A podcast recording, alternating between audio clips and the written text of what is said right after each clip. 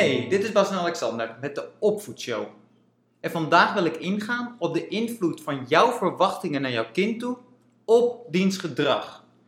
Daarbij willen we kijken naar nummer 1 sociale rollen, nummer 2 de Pygmalion effect, nummer 3 dat vertaalt naar de thuissituatie en dan eindigen we met de challenge. Alright, let's go. Ieder mens gedraagt zich zoals die denkt dat dat door de omgeving wordt verwacht. Wauw. Op een andere manier gezegd is dat iedereen kent een bepaalde sociale rol. Een rol die je zogeheten speelt in de maatschappij. Te denken valt bijvoorbeeld bij je vrienden of bij je vriendinnen, op je werk, in je gezin, maar ook bijvoorbeeld in de supermarkt of bij de bakker. Tja. We hebben in ons land met normen en waarden bepaalde afspraken gemaakt, bepaalde gedragsafspraken gemaakt, hoe je je dient te gedragen in bepaalde situaties. Die verwachtingen bepalen voor een groot gedeelte hoe je je op dat moment gedraagt. Welke rol heb jij? Eh. Als je bij, met vriendinnen bent of op je werk, ben je de grappenmaker? Of ben je de stille kracht? Of ben je de feitjeskenner? Die rol, zoals je bekend staat, is hoe je je gaat gedragen. En hoe je omgeving jou telkens weer bevestigt en aanmoedigt om te gedragen. Door bijvoorbeeld te, lachen om je grapjes, waarin je dus de bevestiging krijgt en meer grapjes gaat maken. Op deze manier kan het ook zijn dat je vaak een masker opzet. Dat je bijvoorbeeld bekend staat om altijd klaar te staan voor anderen. En dat je altijd vrolijk bent en dat je altijd de boel opzweept. En op de momenten dat je je dan zaggerijnig voelt of niet lekker in je vel zit, dat je het gevoel hebt een masker op te zetten om toch aan die verwachtingen te kunnen voldoen. Herken je jezelf hierin? Nou, bij kinderen is dit niet anders. Kinderen gedragen zich hoe zij denken dat de omgeving hun ziet en van hun verwacht hoe zij zich moeten gedragen. En hierin heb jij als ouder een grote rol wat de kinderen denken dat van hun verwacht wordt. Hoe zie jij je kind?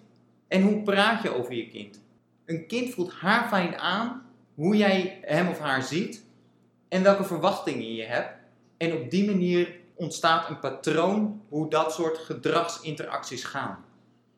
En het kan heel gemakkelijk zijn. Vanaf baby's af aan probeer je mensen onbewust, we willen duidelijkheid in een hokje te plaatsen. Is het een druk kind? Is het een rustig kind? Is het een intelligent kind? Leert het snel of loopt het juist achter? Dat probeer je op hele vroege leeftijd al te achterhalen. Waardoor je dat telkens weer in dat hokje plaatst, waardoor die verwachting ook gaat spelen. Zo zie je bijvoorbeeld ook vaak dat als kinderen een diagnose krijgen, bijvoorbeeld ADHD of dyslexie, dat het gedrag in het begin verergert. Want door de diagnose krijgt het kind ineens een bevestiging dat het een bepaalde beperking heeft, dus in een bepaalde zin een vrijbrief om op een bepaalde manier te gedragen.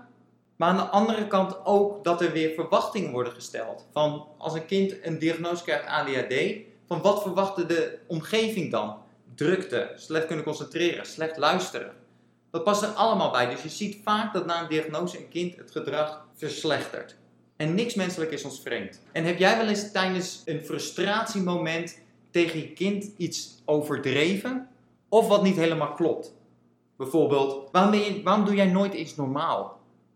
Jij bent altijd zo brutaal.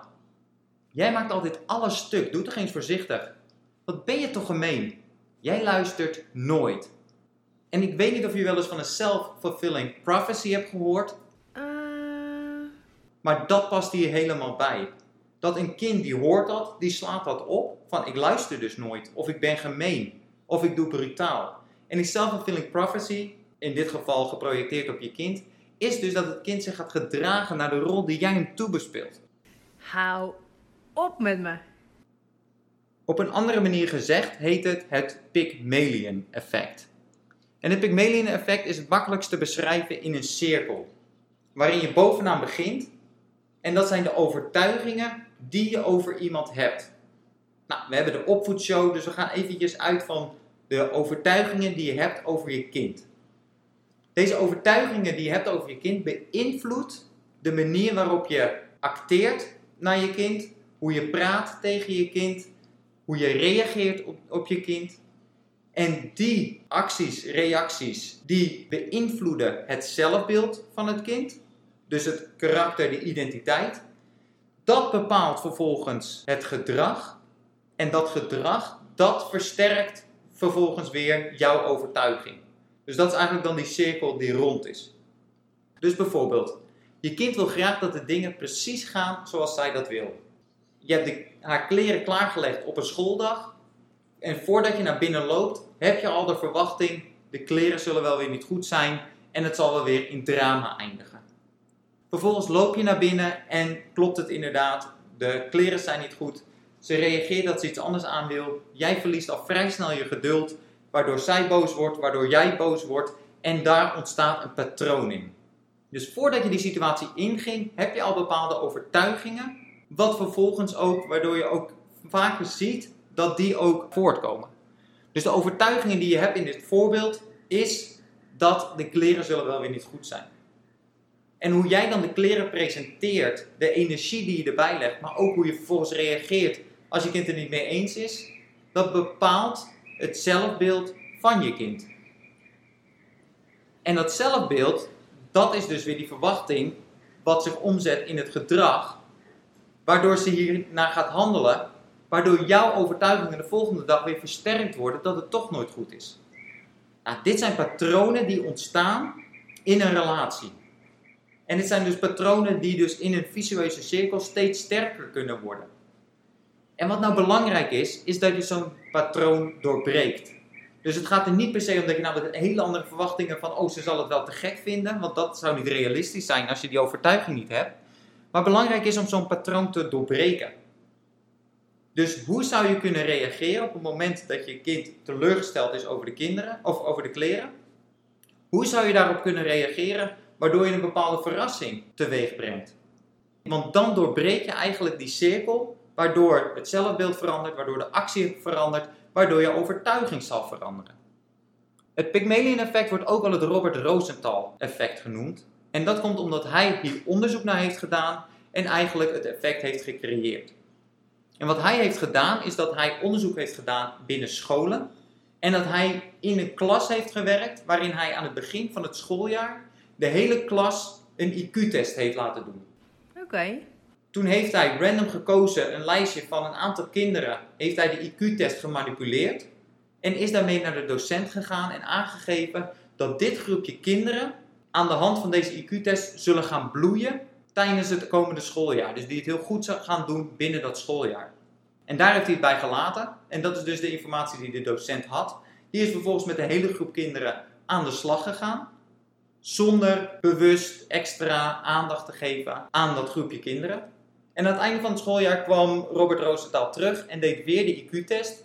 En wat hij zag is dat het groepje kinderen, die dus eigenlijk als een test werden gebruikt, dat die allemaal significant beter scoorden op de IQ-test die hij aan het einde van het schooljaar had afgenomen, hoger scoren dan op basis van de eerste IQ-test verwacht zou kunnen worden. Nou, daarin is hij verder onderzoek gaan, gaan doen van waar dat nou door komt. En wat hij zag is dat aan de hand van het gesprekken met de docent dat er een warmer klimaat werd gecreëerd in de klas voor de kinderen die zouden gaan bloeien. Er was een uitgebreidere uitleg. Ze kregen meer de beurt. Er was een positieve focus op, het, op positief gedrag en op de juiste antwoorden. Dus dat was de onbewust hoe de docent naar deze groep kinderen toehandelde, waardoor het zelfbeeld veranderde, de acties veranderden, de overtuiging versterkt raakt. En dat was eigenlijk die upcycle van de Pygmalion effect. Nou, als we dat weer terugbrengen naar de thuissituatie, hoe kun je deze informatie nou incorporeren? Nou, de allereerste is om het gedrag van je kind los te zien van hun identiteit. Huh? Nogmaals, mensen hebben de neiging om in hokjes te denken, om duidelijkheid te creëren. Dus gedrag te zien als onderdeel van de identiteit. Maar het is heel belangrijk om deze los te zien, want een identiteit verander je niet zomaar. Dus als een kind eenmaal in dat hokje zit, als het onderdeel zou zijn van de identiteit, dan zou dat alleen maar vaster komen te zitten, waardoor je steeds meer daar naartoe ontwikkelt. Terwijl als het gewoon gedrag is, bijvoorbeeld het is een rustig kind die druk gedrag laat zien, dan heb je dat dat dus gemakkelijker veranderd kan worden, waardoor je de overtuiging ook makkelijker kunt veranderen. Ah, ja, ja, ja, ja, ja, ja. En dit kun je doen door op een andere manier te praten over je kinderen. En dan heb ik het erover als de kinderen er zijn, maar ook als ze er niet zijn.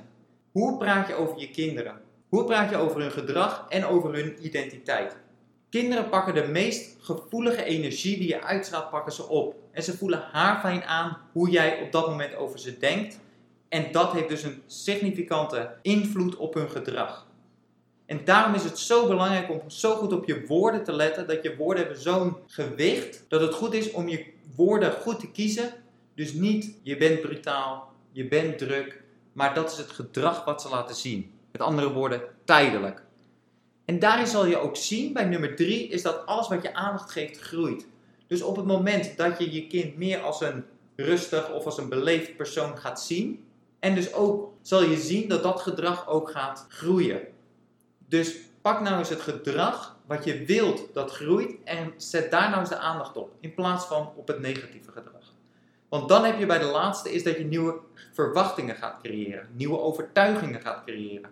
En daarin zoek je dus naar bewijzen in het verleden, maar ook in het heden, in het hier en nu, dat je dus naar bewijzen, signalen, prikkels gaat zoeken, waarin je het gedrag, het gewenste gedrag van je kind gaat herkennen. Dus dat zijn de vier stappen. Van de eerste is om, het, om gedrag los te zien van identiteit.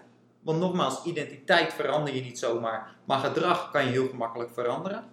Nummer twee is hoe praat je over je kinderen en hoe spreek je ze aan. Om daarin ook het vertrouwen en het geloof erin te stoppen dat je weet dat ze kunnen veranderen. En dus niet over je bent, maar je doet, je gedraagt je.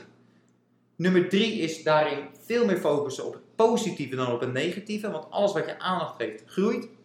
En daarnaast voor jezelf dus constant zoeken naar bewijzen dat je kind het gewenste gedrag laat zien en het kan. De challenge. Dan is het nu tijd voor de challenge. Dit is dus de Pygmalion effect en de verwachtingen en de invloed op je gedrag. Wat ik nou van je wil vragen om aankomende week, geef het een week de tijd, is om heel erg op je woorden te letten. Hoe je tegen je kind praat, hoe je over je kind praat, waar ze bij zijn en waar ze niet bij zijn. En daarin dus niet meer een label eraan te geven. Hij is zo druk, hij is brutaal maar juist te benadrukken het gedrag wat je zou willen zien. En krachtig daarbij is om over je kind te praten waar diegene bij is en daarin dus een compliment te geven naar iemand anders toe. Over het moment waarop je kind juist rustig was, heel goed luisterde of juist iemand anders hielp. Daarin stel je andere verwachtingen en zal je het gedrag indirect, maar wel op een powervolle manier veranderen. Ik heb een link in de beschrijving staan naar een YouTube video om de Pygmalion effect visueel ook nog uit te leggen. Dus daar kun je ook nog eventjes naar kijken. Verder was dat de aflevering voor vandaag. Go get them, je kunt het. Tot volgende week. Ciao.